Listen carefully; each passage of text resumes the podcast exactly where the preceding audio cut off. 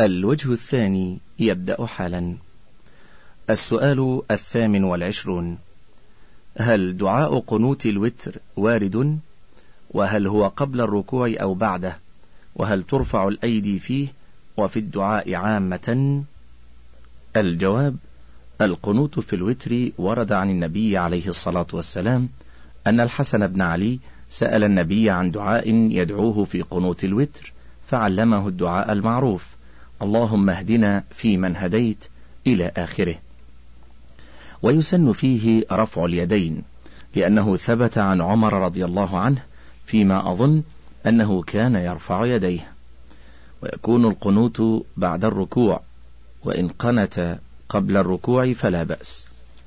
السؤال التاسع والعشرون ما حكم المرور بين يدي المصلي في المسجد الحرام سواء أكان المار ذكر أو أنثى؟ وكان المصلي مفترضا أو متنفلا مأموما أو منفردا.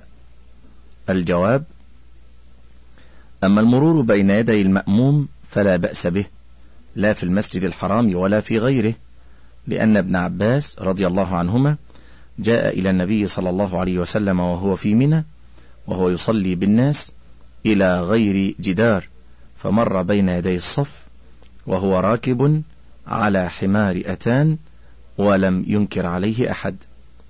وأما إذا كان المصلي إماما أو منفردا فإنه لا يجوز المرور بين يديه لا في المسجد الحرام ولا في غيره لعموم الأدلة. وليس هناك دليل يخص مكة يدل على أن المرور بين يدي المصلي فيها لا يضر ولا يأثم به المار. السؤال الثلاثون. بالنسبة للنساء اللاتي يعتمرن في رمضان هل الأفضل في حقهن الصلاة في بيوتهن أم في المسجد الحرام سواء الفرائض أو التراويح؟ جواب السنة تدل على أن الأفضل للمرأة أن تصلي في بيتها في أي مكان سواء في مكة أو غيرها. ولهذا قال النبي صلى الله عليه وسلم لا تمنعوا إماء الله مساجد الله وبيوتهن خير لهن. يقول ذلك وهو في المدينة مع أن المسجد النبوي الصلاة فيه زيادة فضل ولأن صلاة المرأة في بيتها أستر لها وأبعد عن الفتنة وكانت صلاتها في بيتها أولى وأحسن. السؤال الواحد والثلاثون هل دعاء ختم القرآن مشروع في صلب الصلاة أم لا؟ جواب ليس مشروعا في صلب الصلاة وذلك لأنه لم يرد عن النبي صلى الله عليه وسلم ولا عن أصحابه أنهم كانوا يقرؤون دعاء ختم القرآن في الصلاة وإنما ورد عن أنس بن مالك رضي الله عنه أنه كان إذا ختم القرآن دعا وجمع أهله ودعا لكنه في غير الصلاة. السؤال الثاني والثلاثون. ما حكم إهداء ثواب الطواف أو قراءة القرآن للأحياء أو الأموات؟ جواب المعروف من مذهب الإمام أحمد رحمه الله أنه لا بأس أن يهدي الإنسان ثواب الطواف أو الصلاة أو القراءة للحي أو الميت ولكن مع ذلك ليس هو من الأمور المشروعة التي يؤمر بها الإنسان أو يندب إلى فعلها. بل الدعاء للميت أفضل من إهداء الثواب له لقول النبي عليه الصلاة والسلام إذا مات الإنسان أو قال ابن آدم انقطع عمله إلا من ثلاثة صدقة جارية أو علم ينتفع به أو ولد صالح يدعو له ولم يقل أو ولد صالح يعمل عملا صالحا بل قال يدعو له. فدل هذا على أن الدعاء أفضل من إهداء الثواب. السؤال الثالث والثلاثون. ما حكم التحلق في المسجد الحرام بين الصلوات بالكلام والمزاح وتناول بعض المشروبات والمأكولات؟ جواب لا شك أن هذا يشوش على المصلين وهو حرمان لهؤلاء من متابعة الإمام وأجر القيام وإذا حصل فيه تشويش على المصلين كان حراما.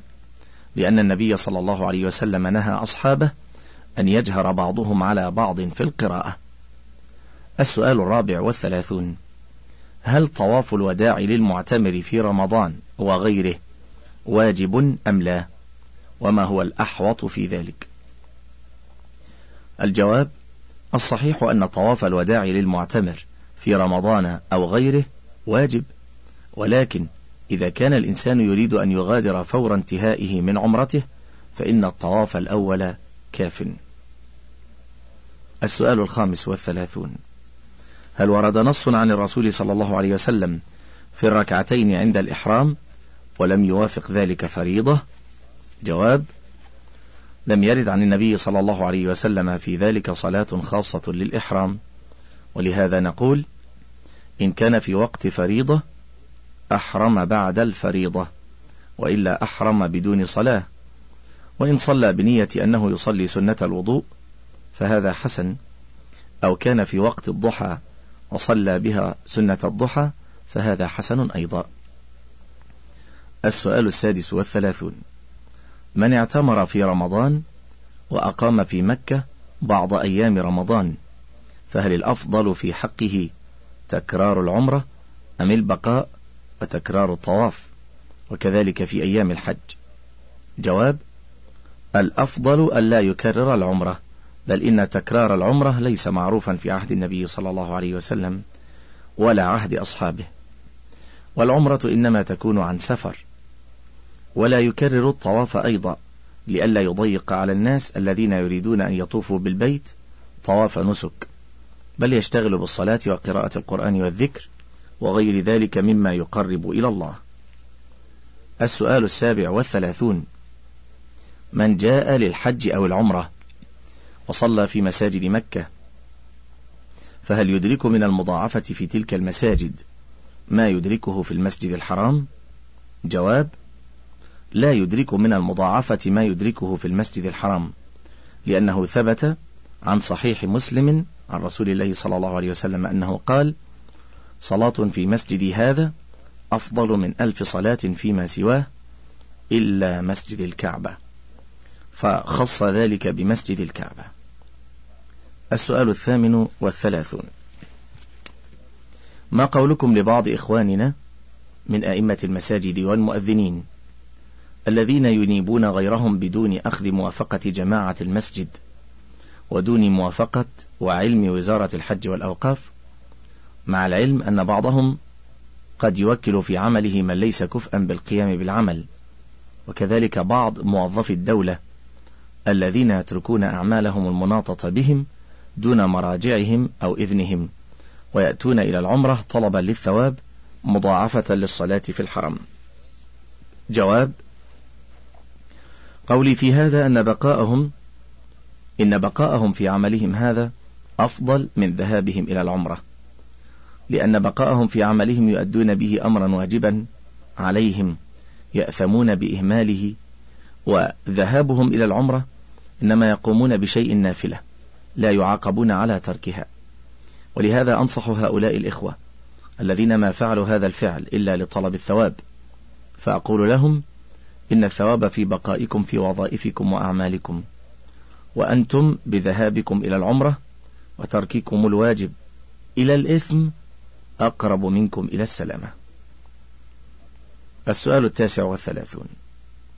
إذا أنهيت قراءة القرآن فهل يشرع لي دعاء ختم القرآن؟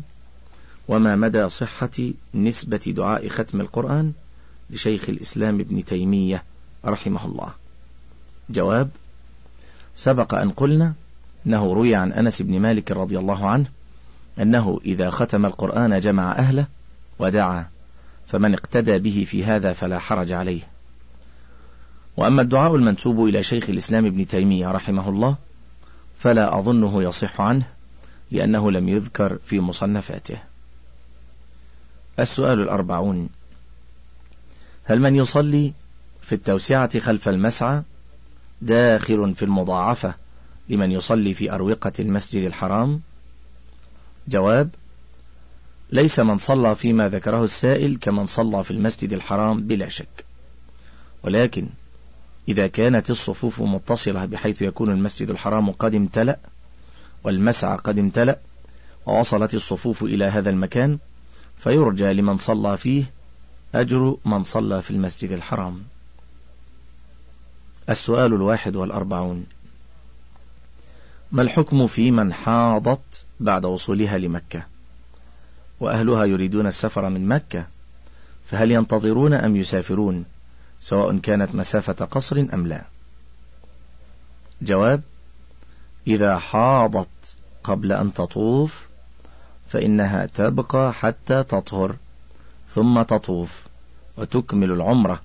إلا إذا كانت قد اشترطت عذر الإحرام إن حبسني حابس فمحلي حيث حبستني. فإنها في هذه الحال تتحلل. وتخرج مع أهلها ولا حرج عليها. السؤال الثاني والأربعون. يحصل مع الزحام الشديد في مكة وغيرها ألا يتمكن المصلي من السجود على الأرض؟ فما الحكم في ذلك؟ جواب إذا تمكن أن يسجد ولو على غير الصفة المشروعة التي هي تفريج الذراعين فإنه يسجد على أي حال. فإن لم يتمكن فإنه يجلس وينوي السجود إيماء. ويرى بعض العلماء أنه ينتظر حتى يقوم الإمام من السجود فيتسع المكان ثم يسجد ويرى آخرون أن يسجد على ظهر إنسان. ولكن القول الأول أقرب إلى الصواب أنه ينوي بالسجود إيماء لأنه عاجز عنه في هذه الحال. ومن عجز عن السجود أومأ به. السؤال الثالث والأربعون. ما حكم لبس المرأة للذهب من خواتم وغيرها في حال الإحرام علما بأنها تبرز لغير المحارم في كثير من الأحوال؟ جواب لا بأس أن تلبس المرأة حال الإحرام من الذهب ما شاءت إذا لم يخرج إلى حد الإسراف حتى الخواتم والأساور في اليدين. لكن في هذه الحال تستره عن الرجال الأجانب خوفا من وقوع الفتنة. السؤال الرابع والأربعون أيهما أفضل للمرأة؟ الطواف في حالة ازدحام المطاف أو انشغالها بعبادة أخرى بعيدا عن الرجال؟ جواب إذا كان في مواسم العمرة أو الحج فالأفضل ألا يكرر الإنسان الطواف حتى الرجل. فكيف بالمرأة؟ السؤال الخامس والأربعون ما حكم كشف الحاجة والمعتمرة لوجهها مع وجود الرجال الأجانب؟ جواب حرام عليها ذلك. فلا يجوز للمرأة أن تكشف وجهها عند الرجال الأجانب لا في حج ولا في عمرة ولا في غيرهما. السؤال السادس والأربعون. ما حكم لبس المرأة البرقع واللثام حال الإحرام؟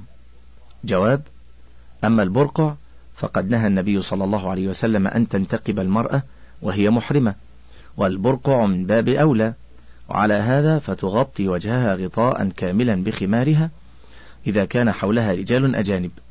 فإن لم يكن حولها رجال أجانب فإنها تكشف وجهها. هذا هو الأفضل والسنة. السؤال السابع والأربعون.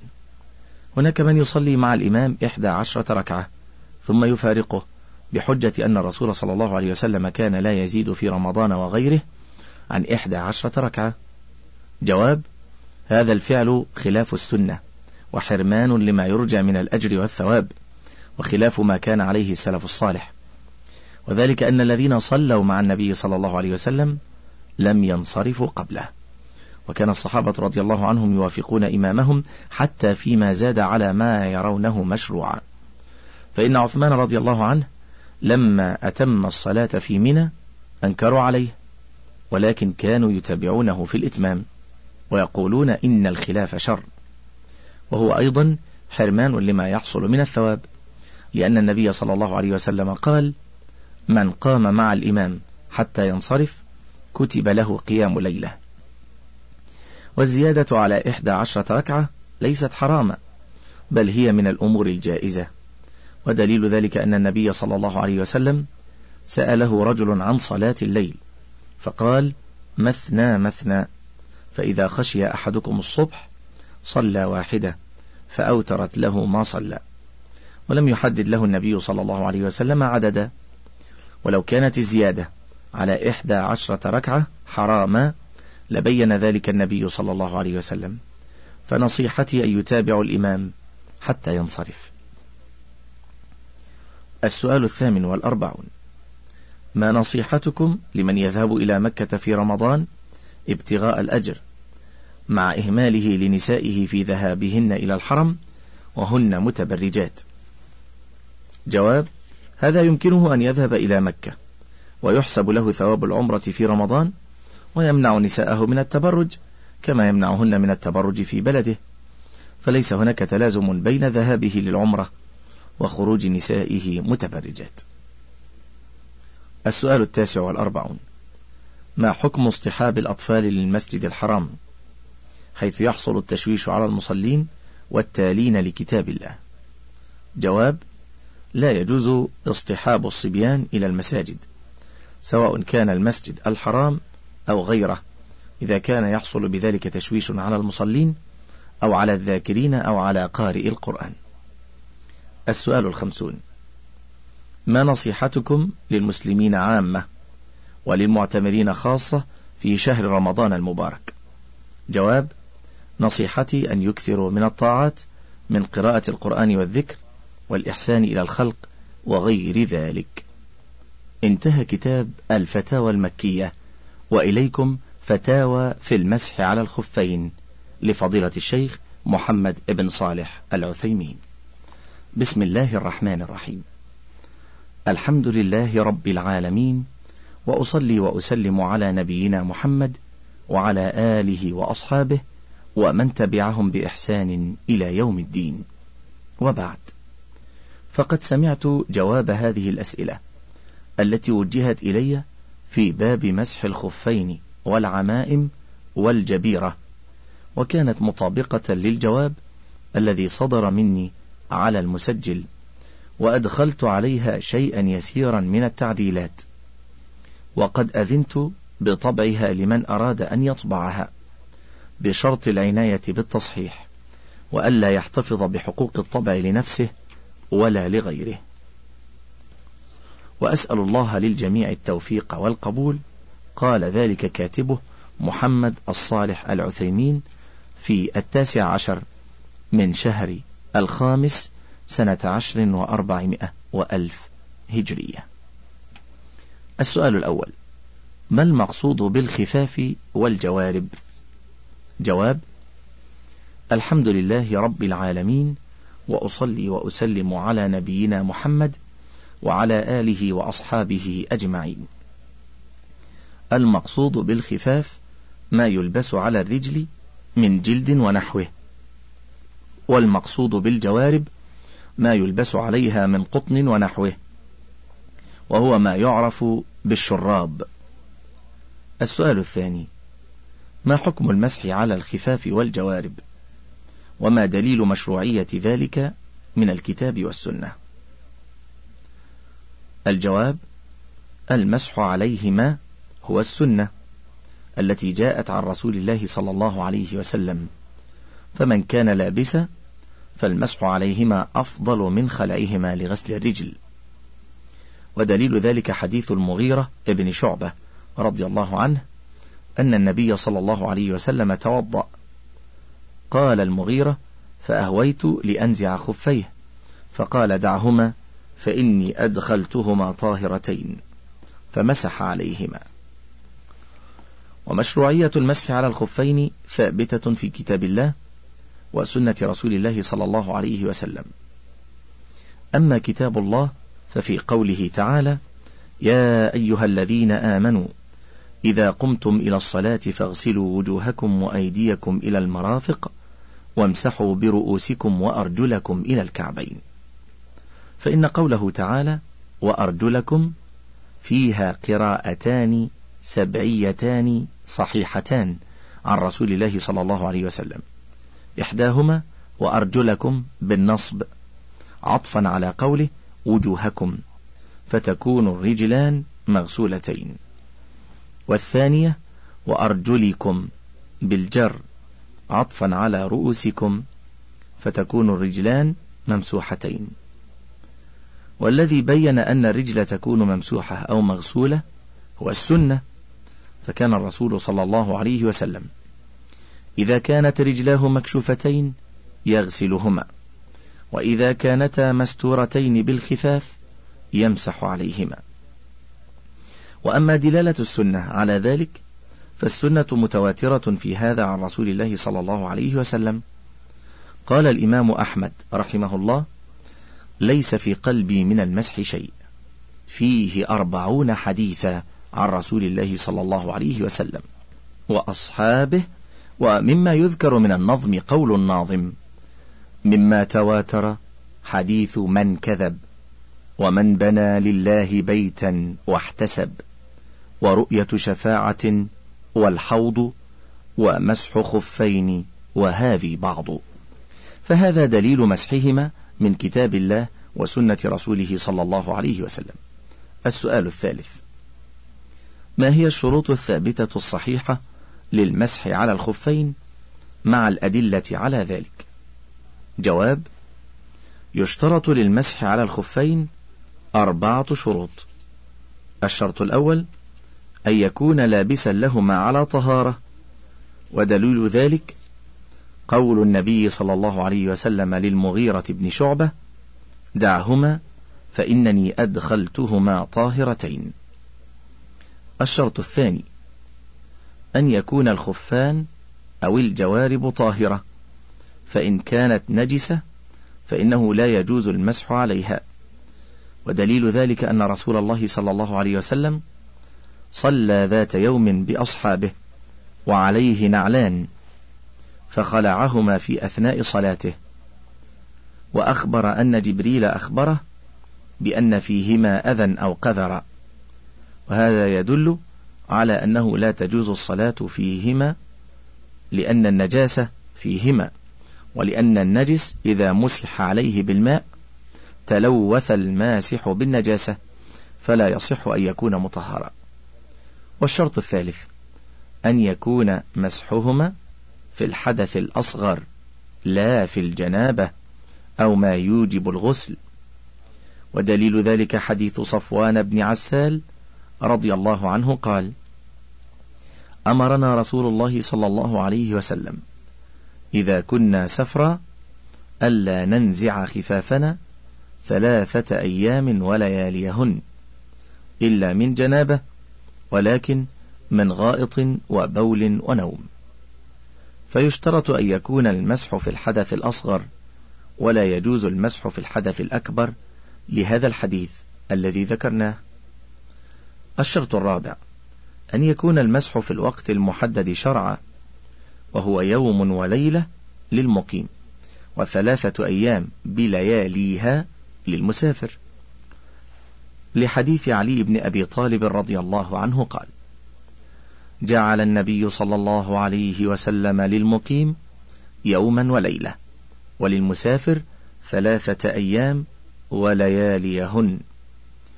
يعني في المسح على الخفين. أخرجه مسلم. وهذه المدة تبتدئ من أول مرة مسح فيها بعد الحدث وتنتهي بأربع وعشرين ساعة بالنسبة للمقيم واثنتين وسبعين ساعة بالنسبة للمسافر. فإذا قدرنا أن شخصا تطهر لصلاة الفجر يوم الثلاثاء وبقي على طهارته حتى صلى العشاء من ليلة الأربعاء ونام ثم قام لصلاة الفجر يوم الأربعاء ومسح في الساعة الخامسة بالتوقيت الزوالي فإنه ابتداء المدة تكون من الساعة الخامسة من صباح يوم الأربعاء إلى الساعة الخامسة من صباح يوم الخميس. فلو قدر أنه مسح يوم الخميس قبل تمام الساعة الخامسة فإن له أن يصلي الفجر أي فجر يوم الخميس بهذا المسح. ويصلي ما شاء أيضا ما دام على طهارته لأن الوضوء لا ينتقض إذا تمت المدة على القول الراجح من أقوال أهل العلم. وذلك لأن رسول الله صلى الله عليه وسلم لم يوقت الطهارة وإنما وقت المسح فإذا تمت المدة فلا مسح. ولكنه إذا كان على طهارة فطهارته باقية لأن هذه الطهارة ثبتت بمقتضى دليل شرعي. وما ثبت بمقتضى دليل شرعي فإنه لا يرتفع إلا بدليل شرعي. ولا دليل على انتقاض الوضوء بتمام مدة المسح. ولأن الأصل بقاء ما كان على ما كان حتى يتبين زواله. فهذه الشروط التي تشترط للمسح على الخفين. وهناك شروط أخرى ذكرها بعض أهل العلم وفي بعضها نظر. السؤال الرابع ما صحة ما اشترطه بعض الفقهاء أن يكون ساترين لمحل الفرض. جواب هذا الشرط ليس بصحيح لأنه لا دليل عليه فإن اسم الخف أو الجوارب ما دام بقي فإنه يجوز المسح عليه لأن السنة جاءت بالمسح على الخف على وجه مطلق وما أطلقه الشارع فإنه ليس لأحد أن يقيده إلا إذا كان لديه نص من الشارع أو قاعدة شرعية يتبين بها التقييد وبناء على ذلك فإنه يجوز المسح على الخف المخرق ويجوز المسح على الخف الخفيف لأنه ليس المقصود من الخف الستر ستر البشرة وإنما المقصود من الخف أن يكون مدفئا للرجل وناعما لها وإنما أجيز المسح على الخف لأن نزعه يشق وهذا لا فرق فيه بين الجورب الخفيف والجورب الثقيل ولا بين الجورب المخرق والجورب السليم والمهم أنه ما دام اسم الخف باقيا فإن المسح عليه جائز.